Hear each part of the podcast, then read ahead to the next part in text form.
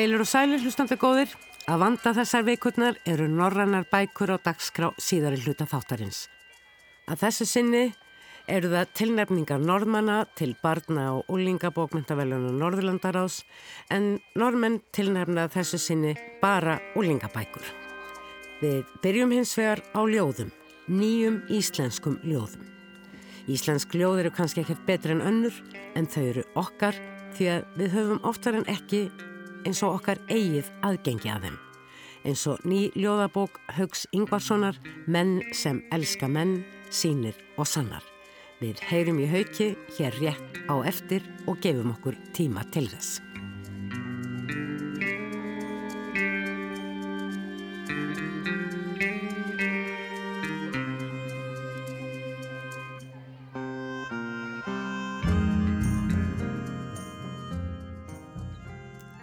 Miðvíkudaginn 8. september 2021 stóð Haugur Ingvarsson keikur í bókabúð Pennans Eymundsson með fullt af kössum í kringum sig sem allir inni heldu það sama.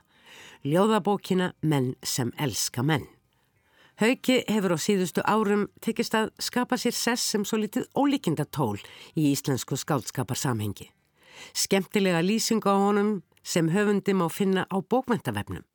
Haugur Ingvarsson, fættur 1979, er að jöfnum hlutum íkonaklast og hefðarsinni, náttúru skáld og borgar, alvöru þrungin mentamaður og glottandi hyrðfýbl. Svo mörg voru þau orð.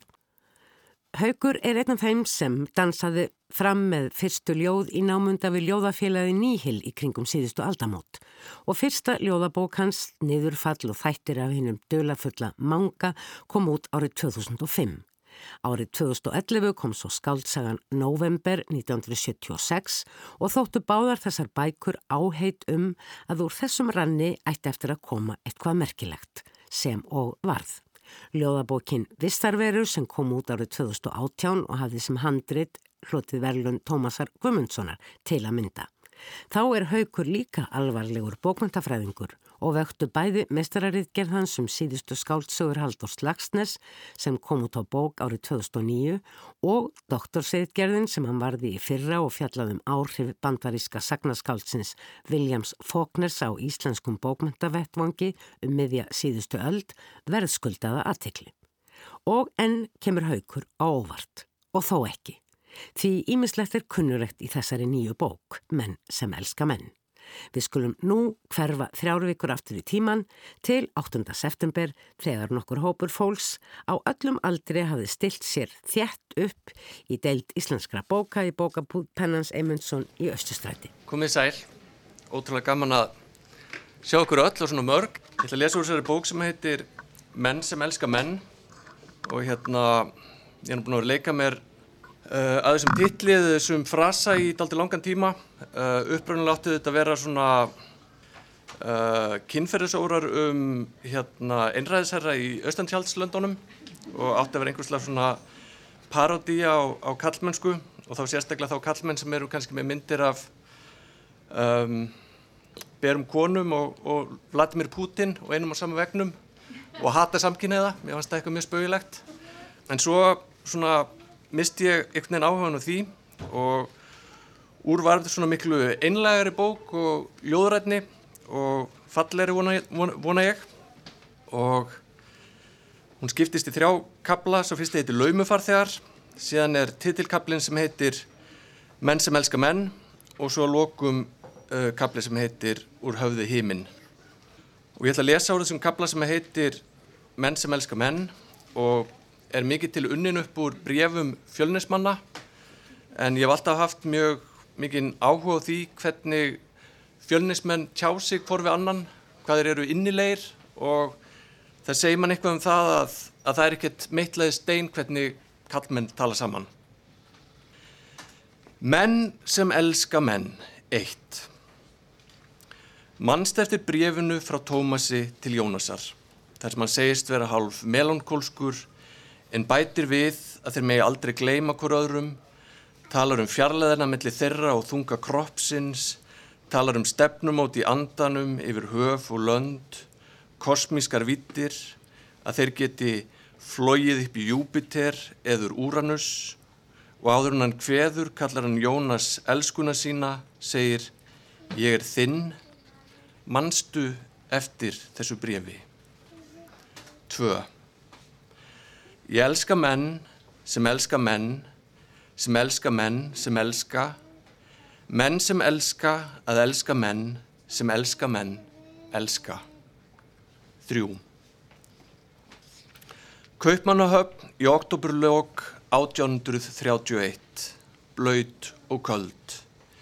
Innan múranna allt þetta fólk og þessi dýr og þessi lykt, opinn klóög, Rennusteinar hálir af skít sem flóur um strætin, rótin dí, síkin fúl og ljósmetið, ilmandi lísi úr kval eða hákarl. Frá þessum stað horfir Tómas á stjörnu út um opin glugg og hugsa til vinar sem liggur bak við kámuðan skjá í húsi við einustu götu reykja víkur, vafin í sæng upp á lofti og skelfur, andar sem unnast, og hvernig ætlið það verið að ösla fórug stræti í vondum skóm, hefði ekki verið næra að sigla og gondól eftir lækjar götu, dóla sér undir söngræðarans, nei, músík var ekki til í þessu plássi. Fjögur. Hefur hort í svört augu grænlandshákals. Í þeim logar döf glóð geyslakólefnis brennur djúft í yðrum hafsins glóð, í 400 ár, í köldu hafi, glóð, eins og stjarnar djúft á himni, ástæra, þólinnmóð, takmarkulegs og langlind, með uppreistan ugga á baki, áfram, áfram í áttlösu hafi, þannig frá ljósi til ljós, í hildjúbu myrkri er ástæra, er ást mín til þín, vinur minn, Því við lifum með við hreyfumst í efni eða anda í þessu hafi eða öðru ást mín til þín.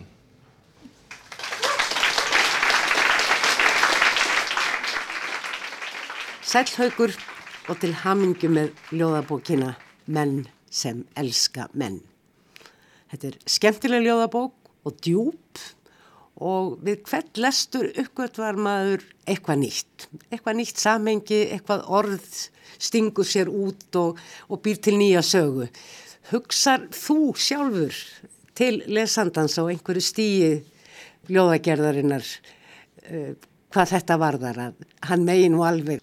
Já, mér verður nú oft hugsað til lesenda meðan ég er að skrifa.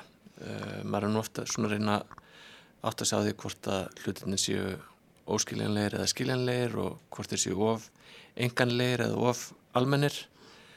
En maður er nú samt svona láta ekki enn innri lesanda stoppa sig og stundum langar maður kannski aðeins til að poti í hann og áronum og, og svo leiðis en, en jú, ég hugsa nú alveg oft um lesendur, ég er ekki einn af þeim sem að segja mér sé alveg sama um, um viðtökur verkamennar Þessi bók skiptist í þrjá ólíka kabla. Laumufarþegar heitir sá fyrsti, menn sem elska menn sá í miðið og síðastur er svo úr höfði heiminn. Svona í fljótu bræði fannst mér eins og fyrstikablin fjallaður um hverstag fræðmannsins. Þú ert jú fræðimaður, þú ert bókundafræðingur og hefur stundar talsverðar ansóknir á því sviði. Já, sko að vissuleiti er þetta hverstasleiki fræðmannsins í fyrsta hlutanum en að sumuleiti líka kannski eitthvað sem hafa frekar ókverstaslegt fyrir mig vegna þess að ég er giftur og á tvo sinni og þegar ég skrifaði hennan bálk þá var ég einn í Oslo að fást við fræðistörf og það var kannski svona svolítið óvanlegt að vera svona einhvern veginn laus undan þessu svona daglega amstri að búa til háragraut og reyna að reka menn á fætur og, og svona. Og það sem ég var að rannsaka í mínu dóttursnámi var banderski rittuundurinn Viljan Folkner og hluti af hans orðspori verður til í gegnum uh, svona bókaklúpa heimisbókmenta og það var það sem ég var að rannsaka. Og ég hafði einhvern veginn alltaf gert mér í hugalund að þetta væri alveg rosalega mikill fjöldi höfunda sem að mynduð þessar heimsbókmyndir en, en svona minnstu kosti í þessu úrtaki sem ég var að skoða þá, þá eru þetta rauninni kannski ekkert vola margir höfundar sem er að koma út í þessum stóru evrósku forlögum og þetta byggist alltaf svona mikið á uh, gagfæmri uh, viðurkenningu. Uh, einhver höfundur opnar dyrnar fyrir öðrum í, í nýju landi til þess með því að skrifa ingangaverkum hvors annars og, og þannig. Og svona þessi gagfæma viðurkenning og þessi svona þrá eftir viðurkenningu er eitthvað sem ég er daldið að gera grín að í minni eigin fari í þessum bálki. Laumifarþegar og Bræi Ólarsson sem er svona eitt af mínum stóru átrúnaðagóðum hann er ávarpaður þarna ítrekkað og en síðan er þetta líka bæði fyrsti hlutin og annar hlutin þegar þetta eru svona frásagnarkvæði sagt ljóðabálka sem skiptast í nokkuð marga hluta og það er í rauninni mjög ríkur vilji allavega hjá mér til að reyna að skapa einhverja stemningu. Þetta er alveg textar sem hefði verið að skrifa út sem skaldsugur eða smásugur en eru unnir inn í þetta knappa form ljóðsins. Ég meina þegar maður les heila skaldsugu þá er maður einhvern veginn búin að sjóða hana niður í frekar knaft form og það eru kannski einhverju tiltekni kablar eða einhverju tiltekna myndir sem að lifa í hugamanns eftir lesturinn mm. og mér heyri svona kannski að þessir tveir ljóðabolkar, tveir fyrstu þeir svona skilja eftir einhverja þannig tilfinningu í, í huga lesandans að, að, að það sé einhver stærri saga þarna og það sem er búið að streka út að því að þetta voru líka svona stórist textamassa sem ég var að, var að sjóða niður í þessi, þessi form að, að það er svona þetta eru stærri sögur mm. en síðan er líka í báðum þessum bálkum þá er brefaformið er einhverju leiti það sem að svona kannski tengir þá og brefaformið það gefur mann einhverslas alibi, það opnar og það, það leifir mann að ávarpa lesandan. Brefaformið er yfirleitt frekar svona laus beislað og maður getur rauninni blanda þar saman frásögn en líka mjög innilegum tilfinningum og, og hugleðingum rauninni hverju sem er en ég held að þetta sé svona einhver blekking sem verður til í huga lesandans að, að þegar hann, þegar hann fyrir að hugsa um þetta sem einhverslas brefaform þú veist að þá þá leifir hann mér meira frelsi, hann leifir mér að fara meira út um mm. viðan völl. Aðtiklisvert og eins þetta með þessa miklu þjöppun, hver bálkur fyrir sig er hann í rauninni miklu meiri massi af texta lengi vel og þú svona skafa og henda til setningum og skoða ritma og form og leikur þér svolítið með, með stöðla og höfustafi en svo leikur þér líka með svona snú upp á klísjur og ég held að þú gerir þetta aldrei viljandi, ekki satt? Jú, sko uh, ég er nú búin að vera núna hérna að reyna að koma þriðabatninu fyrir í íbúðun okkar þannig ég er búin að vera í einhverjum svona pappakassatetris í allt sumar og þá hafa verið að rótast upp úr skúfum ymsir svona gamlir pappirar og ég sé að mjög margt af þessum ljóðum eiga sér örgla alveg 10, kannski 15 ára aðdraganda. Ja. þú veist ég er búin að gera mörg margar aðrunur að því svona einhvern veginn að, að skrifa þetta. En mér finnst oft bæði með þessa bók og líka með vistaverur að þetta voru bæði bækur sem ég hef búin að vinna mjög lengi einhvern veginn í huganum og hef búin að lengi að reyna að móta mér eitthvað stíl sem er mér þætti réttur en síðan kannski þegar sjálf komað sjálf um skrifunum þá, þú veist, þetta er svolítið svona eins og maður væri að æfa puttana, þú veist, maður þarf alltaf að fá mm. ljóðin í puttana, fá stílin í puttana, þú veist, þannig að maður þurfi ekki að vera mikið að staldra við og hugsa hljómar þetta rétt eða er þetta í stíl, er þetta rétt um stíl eða eitthvað svo leiðis, en síðan síðan klippi ég svolítið og stróka út og, og raða stundum og endur raða og, og, og svo leiðis en, en, en svona uh, ég myndi nú ekki vilja líka mér við klassiska hérna, hljóðfærarleikar maður ber svo djúpa virðingu fyrir þeim en, en ég hugsa samt stundum svona þegar maður sér hvað æfingin er mikilvæg. Mm. og ég er alltaf að æfa mig þó ég kannski sé ekki alltaf að gefa út bækur. Mér finnst svolítið eins og þú sérst að, uh, að leita að einhverju frumforsendu fyrir já, rannsóknum, fyrir skálskap jáfnvel bara fyrir lífinu sjálfu. Því grunniða að það sé í rauninni elskan, ástinn, kærleikurinn. Og það, það dregst alltaf inn í bálkana alltaf aftur og aftur. Og menn sem elska menn sá bólkur, hann fjallar jú beinlýnins um það, þar ákveður í rauninni að fara inn á ástarjáttningar skálda hvers til annars. Já, það var tilvittnun í Svöfu Jakobsdóttur sem að e, var lengi vel svona einhverslegs hugmynda tilengun fyrir bókina. Og, og hún var e, Fegurðin er allstæðar og fegurðin er, er, er ber vittni um, um kærleika Guðs.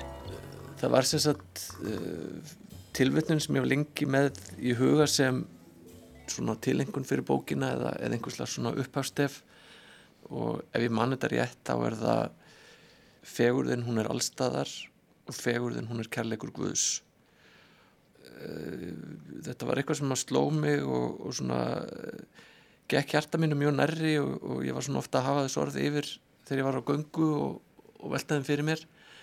Svo fannst mér það kannski einhvern veginn of trúaleg ég er oft einhvern veginn að berjast við trúna einhvern veginn þó ég sé kannski ekkert eitthvað byrnins eitthvað selga trúaður en, en það ég finna bara að svona trúastef ganga mjög einhvern veginn í gegnum.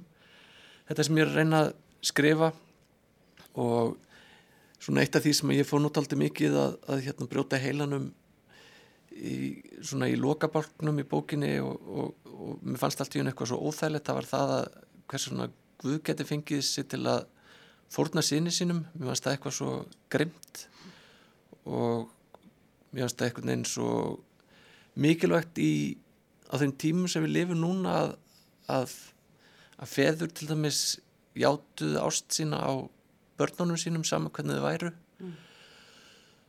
þannig að einmitt kærleikurinn er eitthvað sem að mér langaði til að bóða, kærleikur og fegurð er eitthvað sem mér langaði bylnins til að bóða með þessari bók og, og, og líka eitthvað sem mér langaði til að finna kannski í mínu lífi mm.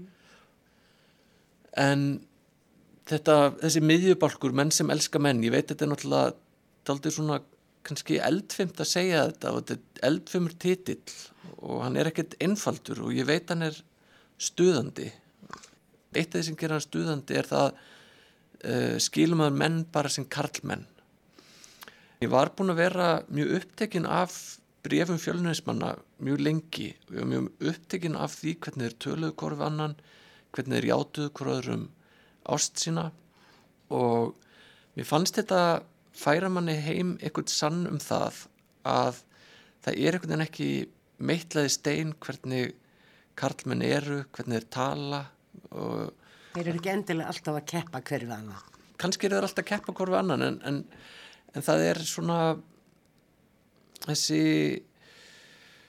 um, þessi karlmennsku hugmynd sem er einhvern veginn verið að afneita núna og, og, og deila á uh, hún er ekkert heldur ykkur, ykkur fasti veist, við getum alveg fjarlægstana við getum brotið niður þessa karlmennsku ímynd og við getum byggt eitthvað nýtt í staðin mm. af því að við höfum verið öðruvísi áður og við eigum eftir að vera öðruvísi aftur held ég.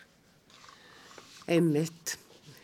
Svo er hákarlinn er svona gegnum gangandi tema.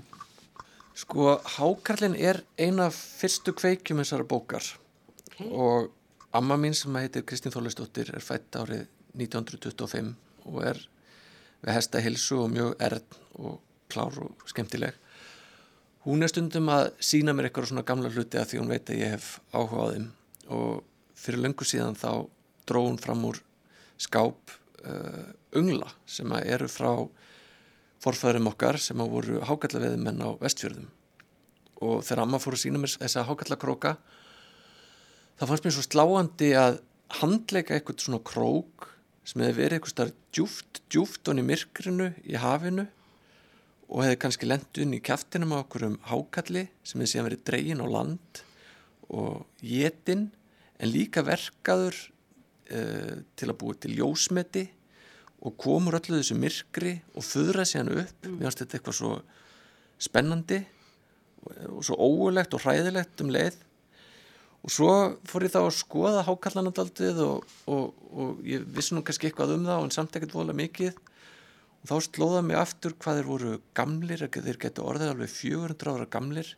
Mér fannst líka þegar ég allt í nú þegar ég voru að skrifa um fjölnismenn þá fannst mér svo eitthvað spennandi að hugsa um það að það geti kannski verið einhver hákall sem var að svamla um í sjónum núna sem ekki þess að bara hafa sett þá pilda og hákallin er náttúrulega líka eins og einhvers slags tímahelgi mm. að þegar, þegar vísindamenn hafa verið að opna það og, og lesa, lesa út úr því árferði og ímislegt en síðan er hitt og það tengis kannski þessu meginn þema bókarinnar uh, mönnum sem að elska menn að ást manna er líka svo grimm og það er þetta hræðilega líka sem að býr í ástinni og við sleppum aldrei alveg undan. Og þetta tengist líka eins og vinkunum mín bendi mér á um daginn að hákallin tengi líka mjög beint við vistavirur af því að þar er líka mjög mikið talað um svört augu dýra. Mm. en þetta er líka dýr sem að er grimt og er ímynd grimdarinnar en er samt svo miklu mildara heldur manneskan sjálf. Og manneskunni stafar miklu minni hætta af hákallinum heldur en, heldur en hákallinum af, af mönnunum.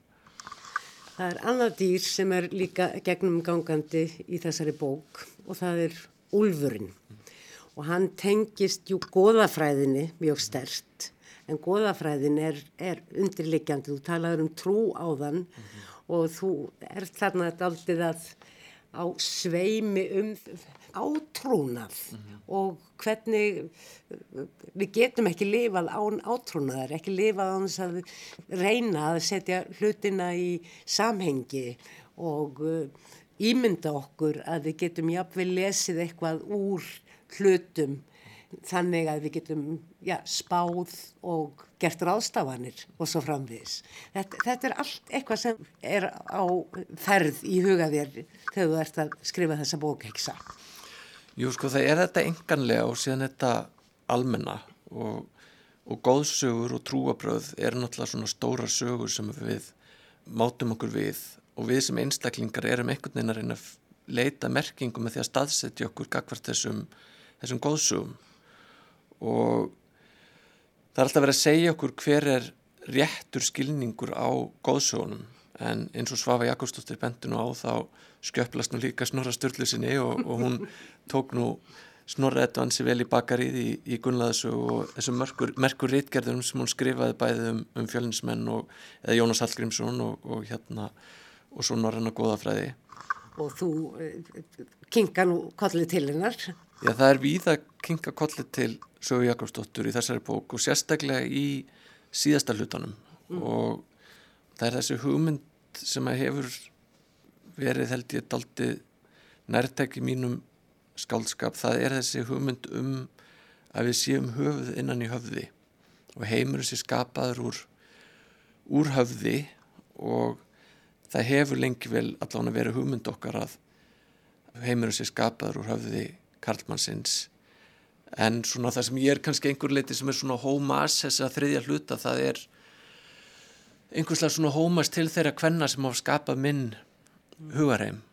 Einmitt, þú ert eiginlega komin inn í uh, þriðja og síðasta hlutan úr höfði heiminn sem að kjarnast um, um samhengi hlutana um bensku, um ættboga um uh, það sem hefur haft áhrif það sem skindilega dúkar upp eins og hákarla krókarnar ömmuðinar ljóðin í þessum síðasta bálki er eins og í þeim fyrri eh, tölusett utan tvö. Annan heitir hvít segl og hitt heitir hvít uh, hvít hönd. Og bæða hafaðu ef ég man rétt sömu endalínna aðeins amma veit hvað hann veitti. En það er þessi hugmynd sem sagt hann Daví Erlingsson sem kendi mér hérna fornum hvaðskap í, í háskólanum í íslensku hann gætt oft verið að staldra lengi við einstök orð og bara sprengja upp merkingarheim hvaða þannig að maður bara vissi allir hvað maður stóð og eftir vegna þess að hann hefði algjörlega umbreytt skilningi manns á, á, á ymitt samingi hlutana og eitt af þeim orðum sem hann skoðaði var, var bönd og bönd er eitt af þeim orðum sem eru nótuð fyrir inn að fornu guði. Og böndin eh, þau eru samhengi hlutana og, og, og, og eitt af samhengjum hlutana er, er þingdarkrafturinn sem heldur mm. heiminum saman og hérna heldur okkur á jörðinni. heldur okkur á jörðinni, heldur betur. Og en það, það sem að Davíð líka bent okkur á að þetta er heimur guðana, þetta eru bönd guðana sem eru verið að halda saman þetta er, þetta er þeirra heimsmynd mm. og, og, og eitt af stóru böndunum í, í góðafræðinni er bandi sem er lagt á úlfin til að heimurinn farist ekki og eins og Svafi Jakobsdóttur og fleira bent á þá er þessi heimur sem að liggur í böndum, hann er mjög kallægur og loka lína þessar bókar er skerða á fjöturinn sleftanum lausum. Þannig að það er kannski einhver svona það er kannski einhver slags uppreist mm. og kannski einhver vonum um það að, að það getur risið nýjörður ægi sem að hérna sem að er nú það sem gerist eftir, eftir að hérna gömlu góðin líðundur loki í, í hérna völusbá allavega. Þetta er sem sagt sci-fi, nei, cli-fi ljóðabók nú ertu farin að slá mér við sko, ég, ég hérna ég þekk ekki það hérna. Eða Cly-Po, Climate Poetry. Nei, ég nú ég nú ekki endilega bara að hugsa þetta út frá umhverfsmálunum en, en þetta er náttúrulega allt sama. Ég held að þetta sé nú allt, hangi nú alltaf sem er spýtunu sko. Já, ég veit ekki hvort við eigum mikið að vera að tala meira heldur að láta lesendum eftir að uppgöta en uh, Þú myndist á það þegar uh, þú kynntir bókina allra fyrst og last úr henni nokkur ljóð sem við heyrðum hér í upphafi að Magnús Lyngdal hefði gefið leifi til að nota mynd en þú uh, síndir þakklætið þitt með því að hafa myndin á kvolvi. Segðu mér aðeins frá því. Já, þetta er svona hluti af uh, þessari svona háleitu romantísku fegurð eða fagursfræði sem að ég held að setja alltaf ábyrgandi í þessari bók uh, og það að, að snúa hlutunum á, á kvolv með þessum hætti það svona, það svona hveðst ávið uh, ákveðnar hluti sem ég er að leika mig með. Það er til dæmis eins og þetta dýpi geimsins og uh, geimskip og, og hlutir sem að sem að hérna uh, gefa því raun undir fótin að, að geimurinn sé einhvers slags haf mm. þannig að við erum svona hérna bæði að, að renna unglum í sjóun og, og renna unglum upp í, upp í heiminin um, Við erum búin að fara vitt og breytt í gegnum bókina þó við höfum svona líka fikrað okkur frá kabla til kabla meðan þú varst að tala um fyrsta kablan laumufarþegar þá talaður um frásögn og þú talaður um stemningu. Mér langar til þess að byrja um að lesa eitt ljóð svona um, hvað ég segja, leiðindin í Oslo úr þeim kabla. Tíu. Tíminn og vatnið á rúðu lestar í Oslo. Af hverju líður mér eins og fanga? Ég er frjáls eins langt og það nær. Í skjölunum á safninu nálga stríðið er bref til Harald Skríks reytað á dullmáli eða hefur Hóel bara verið fullur. Það liðast reykur upp af brefinu, ángan tópaks og þitur í flaksandi frakka, loftarnaflautur þjóta, bjöllur, glimja. 11. Það er þögn í skóginum. Hér má enginn mæla. Ég er gengin inn í málverk. Það er ágættis skóli. Munk dó, skömmu fyrir lók stríðsins. Hann ótaði stöðut um málverkin sem hann kallaði börnin sín. Sorglegt. Takk fyrir þetta. Og svo langar mér til þess að byrja um að lesa eitthvert þeirra ljóða eh, sem eru einhvers konar ástarjáttning það smegja sínarlega svona inn á milli, sérstaklega í síðasta kaplanum. Úr höfðu heiminn nýju. Fortíðin í orðumennar er önnur en mín. Vörðum var rutt, merkingu rundið, vörður í urð, beinarraungl og jakslar, land, líkami, þögn, samt gengur hún áfram leiði mig áfram yfir örþuna skurð, millir þess sem var og þess sem verður, ratar eftir stjörnum áfram. Haugur Ingvarsson, ég held að megi ljóst vera að uh, þessi bók er markföldi í róðinu og hún er engar endingar góð. Já, ég vona að þetta sé allavega svona fólk fá okkar fyrir peningin.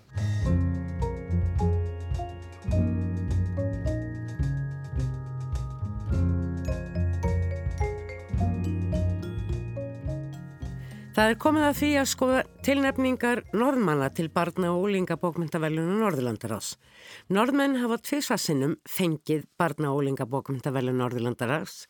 Strax árið 2014 fengu vellunin þeir Håkan Öðurós og Ævind Tórsetter fyrir bókina um brúnar og árið 2019 var það svo Kristín Roskifte fyrir myndabókina Allir telja og hafa báðar þessar bækur komið út í íslenskum þýðingum. Bækurna tvær sem nú eru tilnemdar eru líka engar spennandi. Þetta er annars vegar skáltsagan Alexander den Stúre eða Alexander Mikli eftir Peter Strasseger sem Dagni Kristjánsdóttir segir frá eftir tíu mínútur eða svo því að fyrst ætlum við að huga að skáltsögunni Mín venn Piraten eða Vinur minn sjóræningin eftir Úle Kristján Lóning.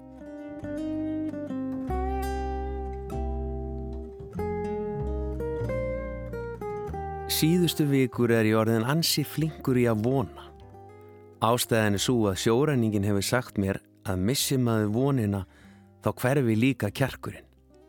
Þetta viti hann af eigin reynslu og það er það sem hefur haldið mér uppi alveg síðan læknirinn færiði okkur tíðindin hræðilegu. Ekkur staðar í um það byrð þúsund sjómílna fjarlagð situr maður á hitabeltisegu og gardurinn hjá þessum manni er fullur af heilsusamlegum jörtum. Sjóræningin hefur sagt mér sögur af hæfileikum hans. Báðsmaðurinn hefur læknað að minnstakosti hundrað íbú á eigarinnar. Hann hefur læknað bolgur og sótthita með róttuskottum og reynu geni. Gamlar helsjúkar kettlingar hafa skriðið yfir þröskuldin hjá honum og komið dansandi út aftur. Og Karl, sem var vissum að hans síðasta stund hefði sleið, fekk að vita að hann myndi lifa til ásins 2079. Vinur minn, sjóræningin, verður að komast til bátsmannsins. Þetta litla brot er tekið úr síðari hlutasögunar mín venn Piraten eða vinur minn sjóræningin eftir Úle Kristján Lönning. En það er önnur bókana tveggja sem normenn tilnefna til barna og úlinga bókmyndaveluna Norðurlandarás. Þegar hér er komið sögu er söguhetjan Andri 12 ára gammal. Hann stendur um borði í kútternum Nemo á samt frenda sínum og föðurbróður Ben sem Andri kallar aldrei annað en vinsinn sjóræningjan. Að baki er löng saga sem hefst á því þegar Andri og foreldrar hans er að leggja í hann í sumarbústæðin. Þau eru búin að aka bróðurpartin af leiðinni, bara ein jarðgöngu eftir áður en landslag heiminhára fjalla með kláfum til að komast upp og niður opnast. En í þann mund sem við ökum inn í göngin kemur langur kvítur vörflutningabill á harðaspani í rigningunni og keirir beint á okkur. Svo varð allt bara svart. Engin kvellur, engir eldslogar. Bara ég sem sitt uppréttur í rúmi, gegnblöytur af svita. Já, hlustandi góður, þú getur þér rétt til, það varð alvarlegur áreikstur. Báðir foreldrar Andrés letu lífið og hann er mikið slasaður. Mörg, bein, brotin, heilarhistingur og sprungin hljóðhimna. Það þarf að aka André í hjólastól til að vera við útför foreldra sinna og þar hittir hann föðurbróðurinn Ben sem aldrei hefur verið kallaður annað en sjóræningin á heimili Andrés og hjá honum á André nú að búa enda frendin hans nánasti ættingi. Andrið þekkir þennan frenda sinn ekki mikið enda hefur hann um áratuga skeiðverð á syklingum um öll heimsins höf. Nú lónar kúturinn hans sem auðvitað ber nafni Nemo við ströndina og ekki langt þar frá býr sjóræningin í hjólhísi. Sem betur fer losnar André fljótt við hjólastólinn og brátt líka við allar skrúurnar. Heyrnatækið í hagra eira er hins vegar til frambúðar. En svo gefur að skilja þurfa bæði André og sjóræningin vinur hans að læra ímislegt til að samlíf þeirra megi ganga upp. Andrið þarf til að mynda að taka sjálfur ábyrð á ýmsu sem foreldrar hans höfðu áður séð um. Eins og að vekja hann í tækatíð í skólan og mornana og það sama má segja um sjóræningjan sem nú þarf að mæta á foreldrafundi í skóla Andrés og það er aðeins með herkjum að hann fær í gegn að viku áallanir og aðrar upplýsingar berist honum í postkassa en ekki í gegnum tölvuski. En þótt sjóræningin kunni ekki á tölvuski og samskiptamiðla hefur hann sannlega marga fjöruna sopið og hefur frá mörgu að segja frá öllum sínum sjóferðum. Meðal annars segir sjóræningin Andri frá félaga sínum bátsmanninum en með honum hafði sjóræningin dvalið all lengi á Maldífu eigu. Við lifðum eins og blóm í eggi, skal ég nú bara segja þér. Bátsmaðurinn og ég. Við byggum í bambuskofa langt inni í landi og þar hafðu við allt sem við þurftum. Og útsýnið, frjósum græn engi svo langt sem augað eigði og ofan af djúbgráum fjöllunum stiftist vatn í fossum sem síðan skipti sér í tæra læki og eitt þeirra rennur rétt við hústyrnar hjá okkur. Við veiðum okkur fisk í soðir Bátsmaðurinn ræktar grænmeti í gardinum og kjallarinn er fullur af rommi. Þurftuð ekkert að vinna þarna niður frá? Jó, svo litið inn á milli, en stjórin var ekki svo nákvæmur með þar. Ægi, ægi, bátsmaðurinn minn. Ég sakna þess að kauða svo mikið að ég kenni til í hjartanu, alveg inn að rótum. Þeir sjóræningin og bátsmaður hafði ætlað að snúa aftur heim saman. Af því varð ekki, heldur tók bátsmaðurinn saman við kerlingu eina á einni og sjóræningin sneri einn tilbaka til Noregs. Og nú setur hann í hjólhísinu daginn langan og býr til flöskuskip millir þess sem hann sípur döglega á romminu sem aldrei er langt undan. Þrátt fyrir óvinnulegar heimilisaðstæður í hjólhísinu og ímsa samskipta örðuleika til að byrja með, þeim frændum von bráðar að líða ágætlega vel saman. Þeir læra hvora af öðrum og aðlagast ólíkum heimsmyndum hvors annars. En svo fer sjóræningin að hosta blóði og sögumadurinn ungi sér ekki annan kostin að fara með hann til læknis. Í ljós kemur að sjóræningin er með krabbamenn í lungum sem er svo langt komið að fátt er hægt að gera. En svo nærim á geta breyti stemningin í hjólísinu við þessa vendingu. Sjóræningin leikur endalust þögull í hengirúminu sínu nema þegar hann getur ekki annað en reist sig upp til að geta spýtt blóðinu upp úr sér. Andri verður tíð hugsað til bátsmannsins og kerlu hans á Maldífu eiginum sem eftir því sem sjóræningin hefur sagt honum eru færustu töfralæknar í heimi. Væri ekki ráð að gera Nemo sjófæran og sigla þangað yfir. Það þarf ekki hafum það fleiri orð eftir nokkrar fortölur, mikið erfiði og útsjónarsemi við viðgerðir á Nemo, stíma þeir frendur frá landi í Noregi og er ferðinni heitið til Maldífu eiga. Er langt eftir? spyr ég án þess að snúa mér við. Mildi heiminn, muldrar sjóræningin. Við erum rétt komnir út fyrir skerjagarðin og þú spyrð hvort það sé langt eftir. Ég var bara að hugsa. Ekki hugsa, lesa. Byrjað á því að fletta upp síðu 51 í þessari bók sem þú ert að blada í. Af hverju? Gerði eins og ég segi og lestu hátt og skýrt. Ég skal reyna, segi ég og ræski mig.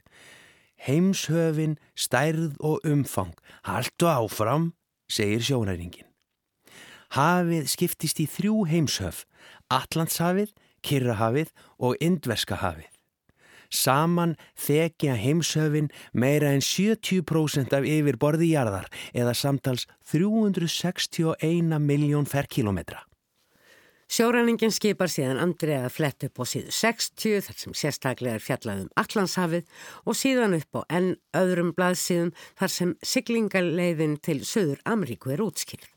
Að endingu er ljósta sigling frá Englandi yfir til Söður Ameríku telur 4000 sjómilur.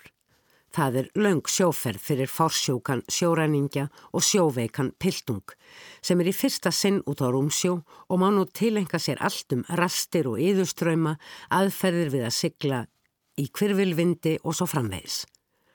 Allt er þetta honum í hæstamóta framandi eins og vantanlega lesendum bókarina líka. Frásögn Úli Kristján Lönning af þessari siglingu er spennandi og trúverðug og ég efaðist ekki eina mínútu um að allt væri þarna satt og rétt. Frásögn sjóræningjans um heilunar hæfileika bátsmannsins og hans konu reynist hins vegar kvorki sönn nýjar jætt.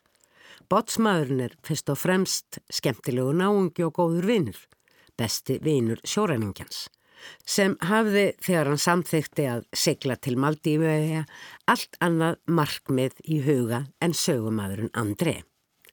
Skáltsagan mín venn Piraten er fjörlega skrifuð Hún er ætluð stálpuðum krökkum sem hafa gaman á æfintýrum þar sem raunveruleikin fær þó alltaf að vera með. Þótt æfintýraleg sigling þeirra frænda frá Nóri til Maldífu eiga Karabíska hafsins séð þráðurinn sem drýfur söguna áfram þá fjallar þessi skáltsaga Úli Kristjáns lönning fyrst og fremst um sorg og áföll og hvernig má takast á við slíkt. Aðferðir sjóræningjans við að gera góðan og gegnan mann úr frændanum unga sem húnum hefur trúað fyrir eru vissulega ekki andan eins konar réttrúnaður um framkomið börn en þær eru djúpiglar og vekja líkindum upp ímsar spurningar í huga ungra lesenda. Fullornum lesenda verður hugsa til Línu Langsóks og fleiri bóka Astrita Lindgren en líka til bóka Úle Lunds Kirkegård eins og Gummitarsan. Úle Kristján Lönning höfundur bókarinnar Vinur minn sjóræningin er kennari að ment og starfi en hefur á síðustu árum sendt frá sér stökubarnabók sem greinilega búa yfir íhyggli og forvitni um leið og lesendur eru teknir alvarlega, klísjum og forskriftum hent út í hafsöga. Þannig séð má alveg búast við að Úle Kristján Lönning stýja á svið í skúspili húsið í Kaupmannahöfn 3. november næstkomandi þegar veitt verða öll verðlun Norðurlandaráðs við háttílega aðtöfn.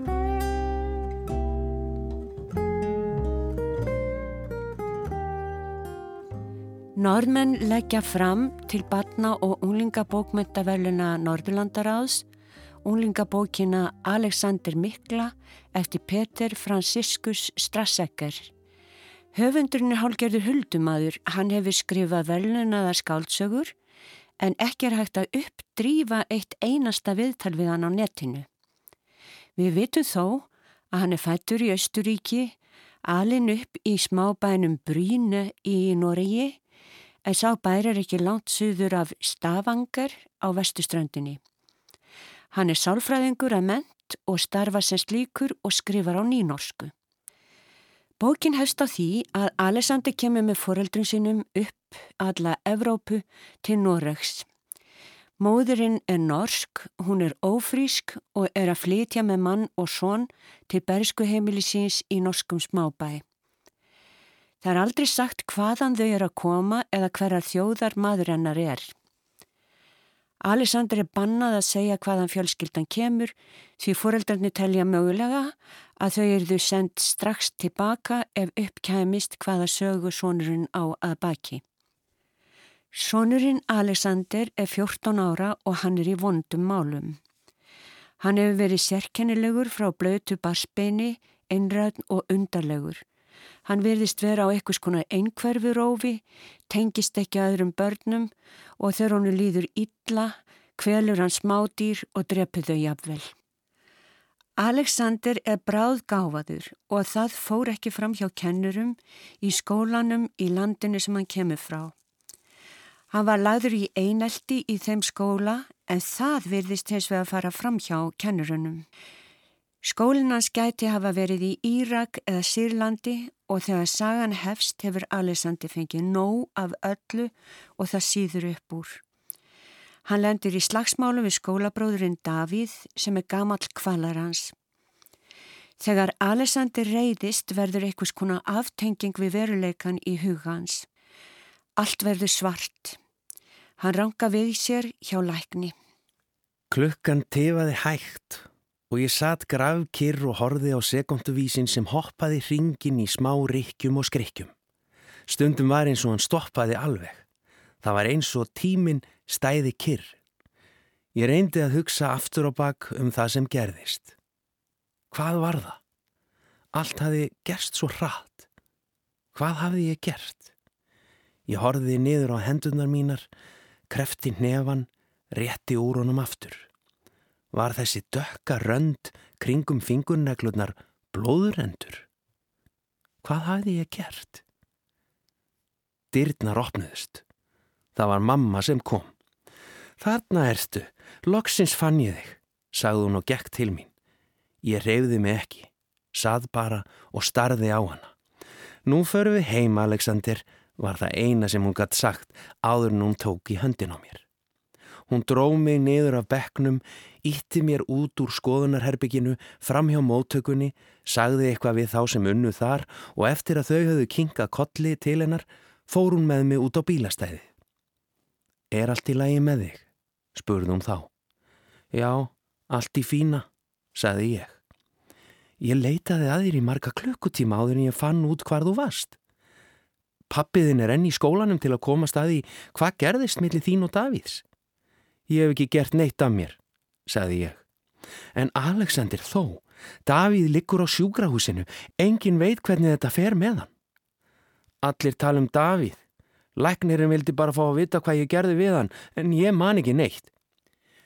Þeir segja að þú hafi verið alveg sambandslaus þegar þeir fundu þig, að þú hafi bara starað út í loftið. Ég sagði ekkert. Eftir smá stund bætt hún við og ég man þetta augnaráð frá því þú var slítill, auguðín eins og tvær gráar glerkúlur.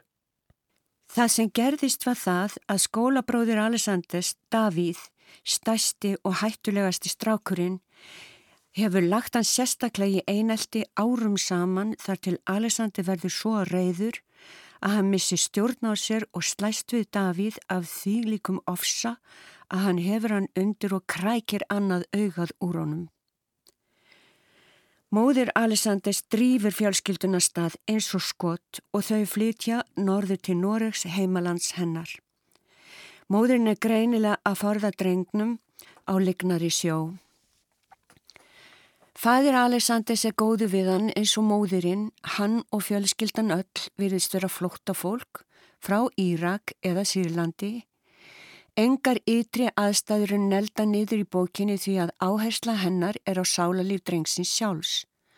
Hann getur kvorki tengst foreldrum sínum nýja sýsturinni sem er á leiðinni. Hann er lokaður inni í sjálfu sér, einsemt sinni og kvöl. Í nýja staðnum egnast hann kunningjan Aman strax fyrsta daginn. Sá er líka flóttamaður á heima á fósturheimili og á að baki hróðalega meðferð af hendi föðusins og er stórskattaður. Hann er líka laður í einelt í skólanum af árásagjörnum heimastrákum og verður fegin því að fá bandamann í Alexander. Alexander kaupir nýf og loka átök við heimamenn eru framöndan. Lesandi býst við skelvilegu uppgjöri en þegar á hólminn er komið rennur það upp fyrir Alexander að það er ekki hann sem ræður þróun þessa máls, heldur hatrið og hemdin sem aldrei líkur nema eitthvað rótakt sé gert. Hann byrjar að berjast við leðtoga heimastrákan en kasta svo frá sér nýpnum og býður sættir. Hins strákurinn gengur samt í skrokka á honum og misþyrmir Alexander sundur og saman en enga síður hefur Alexander unnið sigur. Það er að opnast fyrir honum nýjir heimar, tengsla og aðlögunar í stað þess að þurfa að fara á upptökuheimil eða unglingafangelsi og færast lengra út á jæðarinn. Það að leggja niður vopn hefur gert Alexander að Alexander mikla. Bók Peter F. Strasseger er lámælt og er ekki að útskýra hinn floknu tilfinningaviðbröð drengsins. Við fylgjum hugsunum Alessanders sjálfs sem er innilokaður og í mikilli varnastöðu lengst af en byrja smám saman að breytast. Strasseger nýtur sérfræði þekkinga sinna sem sálfræðingur og einflýtjandi sjálfur og bókin hefur lotið mikið lof. Það hafa komið nokkrar mjög áhugaverða batna og unglingabækur út í Noregi um lífsreynsluna sem innflytjandaböðn koma með til hennar ríku móttökulanda eftir hættulega flótta og oft skelvilega meðferð, óta og kvíða. Það hefur verið unni kennsluefni fyrir skólakerfið um hvernig ég að berjast gegn rasisma og útlendingahatri sem beinist að flóttamönnum í stað þess að hjálpa og taka vel á móti þessum börnum. Símon Strange er vinsæl batna og unglingabókahöfundur. Hann skrifaði bókina Dí som ekki finnes, þeir sem ekki eru til, árið 2014 um afríska strák sem heitir Samuel. Honum hefur tekist að flýja land úr landi uns hann kemur til fyrirheitna landsins Noregs þar sem hann heldur að hann eigi kærustu. En það eru draumórar. Hann er ólöglegur innflytjandi í landinu og flóttin heldur áfram undan innflytjanda eftirlitinu eftir að til Oslo er komið. Sagans endar illa og hann deyri í fangelsi árin tekst að senda nú landi. Kristín Helga Gunnarsdóttir skrifaði bókina vertu ósýnilegur flóttasaga Ísmael árið 2017 um flóttamanna málefni. Hún segir frá flótta ungsmanns frá Afriku til Íslands og gefur insýn í nötulegt líf flóttamannana. Einu sinni sagði einhver ef þú vilt kynna þér málefni þá skaltu skrifa um það bók og það var eiginlega það sem ég gerði.